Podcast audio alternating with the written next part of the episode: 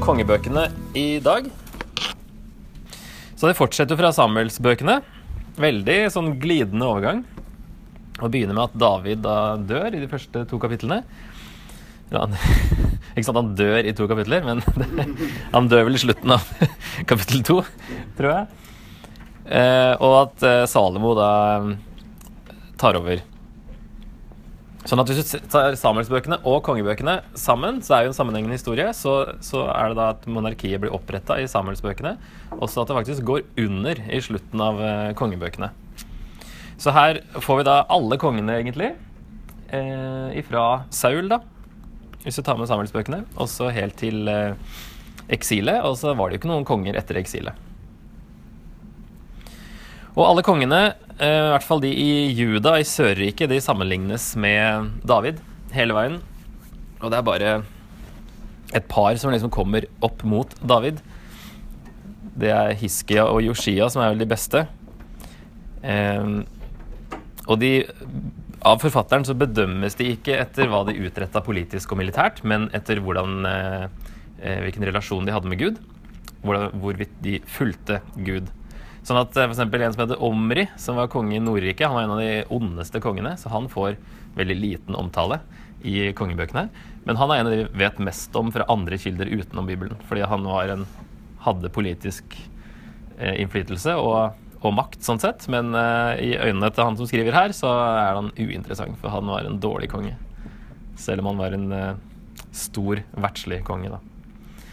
Og det er jo for å vise dem at uh, det var rett at de havna i eksil. Det var um, Gud hadde sin gode grunn til å sende dem til Babylon.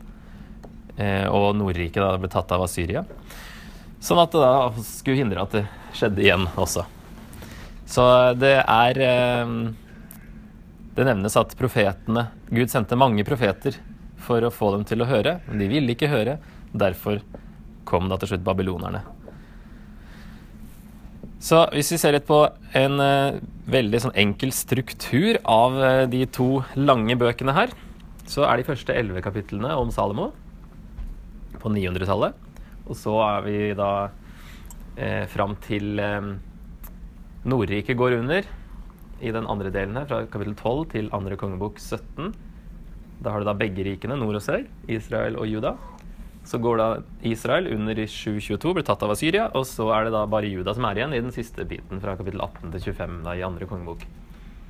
Og så er det siste Det er et lite sånn uh, Siste avsnittet er uh, skrevet litt inn i eksilet.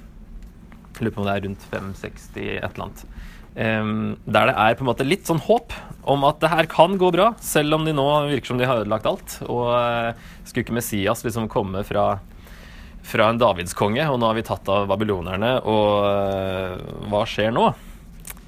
Uh, og da nevnes det da så vidt at han uh, En senere babylonsk konge, da, som heter Evil Merodak, som det nevnes i siste avsnitt, han da ser i nåde til judakongen Joakim, satte han fri fra fengselet. Han snakket vennlig med ham og ga ham den fremste plassen blant de kongene som var hos ham i Babel. Jojakin fikk legge av seg fangedrakten, og siden spiste han alltid ved kongens bord så lenge han levde. Sitt daglige brød fikk han av kongen, dag for dag så lenge han levde. Så det er litt positivt for slutten. Kongen ble satt fri, i hvert fall. Og det er jo av hans etterkommere Messias skulle komme. For han er jo en Davids eh, han Jojakin her. Så selv om det har gått under, og de er jo tilbake faktisk i samme område som Abraham ble kalt ut fra i første Mosebok. Så det er en skikkelig sånn ring som er slutta. Nå er de tilbake igjen der. Kongedømmet er gått under. Og er liksom, er tilbake i første Mosebok, liksom. Nå eh, Hvordan skal det her ende? Så det går Det er 400 år eh, som dekkes da, av de bøkene her, så det går litt fort framover. Og det går da veksler mellom nord og sør. ikke sant? Det står da den og den kongen var konge i Israel, så ble den og den kongen konge i Juda. Og så er det litt om han, og så da eh, Mens Juda Eller ja, den og den var konge i Juda, så ble det ny konge i Israel. Så det går sånn fram og tilbake, og de da sier hvilket år i de, andres, de andre kongenes regjeringstid at det da kommer en ny konge i det andre riket, osv. Så, videre. så det er jo litt sånn oppslagsverk. Det er liksom ikke sånn eh, eh, man kanskje leser mest sånn fra perm til perm, men det er jo, det var jo også en så man kunne slå opp og lese historie om de kongene som hadde regjert. Så tempelet bygges også av Salomo. David har jo lyst til å bygge tempelet. Det er han som får ideen, og Gud sier eh, jeg er fornøyd med et telt, jeg, men ok, greit. Det, du kan bygge, ikke du, men sønnen din. Du har for mye blod på hendene til at du kan bygge et tempel. Men uh, Salomo får lov til å gjøre det, så han bygger tempelet. Og så ender det også boka med at det ødelegges. Så det jo er en ting som går under i slutten av boka her. Og Salomo, når han har åpna Eller, han har, eller ja, tempelet er ferdig, og han har en sånn lang åpningsbønn i kapittel 8. så eh, er det også ting som peker fram mot at folk en gang kanskje havner i eksil. Og hvis de gjør det, hvis de da vender seg mot Gud eh, og ber til han, så skal Gud la dem komme hjem igjen. Så det er et lite sånn håp der om at det, det kan gå bra etter siste kapittel her. Så eh, Jesus i kongebøkene han er jo da den store kongen eh, med stor K, altså Messias, som skulle komme med. Og her får vi liksom sånn Gang på gang så er det Altså, kongene Alle kongene i Nordriket er dårlige. og ca. halvparten av kongene i Sørriket. Sånn at det er eh, noen bra, noen veldig bra, men ingen så bra som David. Eh, og så er det liksom Når kommer den store kongen som virkelig klarer å jeg håper å si, bli Messias med stor M. Altså den, når kommer den endelige, ultimate kongen? Så det får liksom litt sånn lengsel nesten å lese kongebøkene. Altså, det her går jo aldri. Det kommer en ny konge, og så å, det var nesten Nei, det gikk ikke. Når kommer den?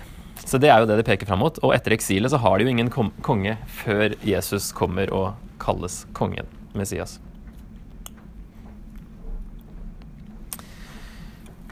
Eh, Jesus henviser til eh, Salomo når han sier at noe større enn Salomo er her.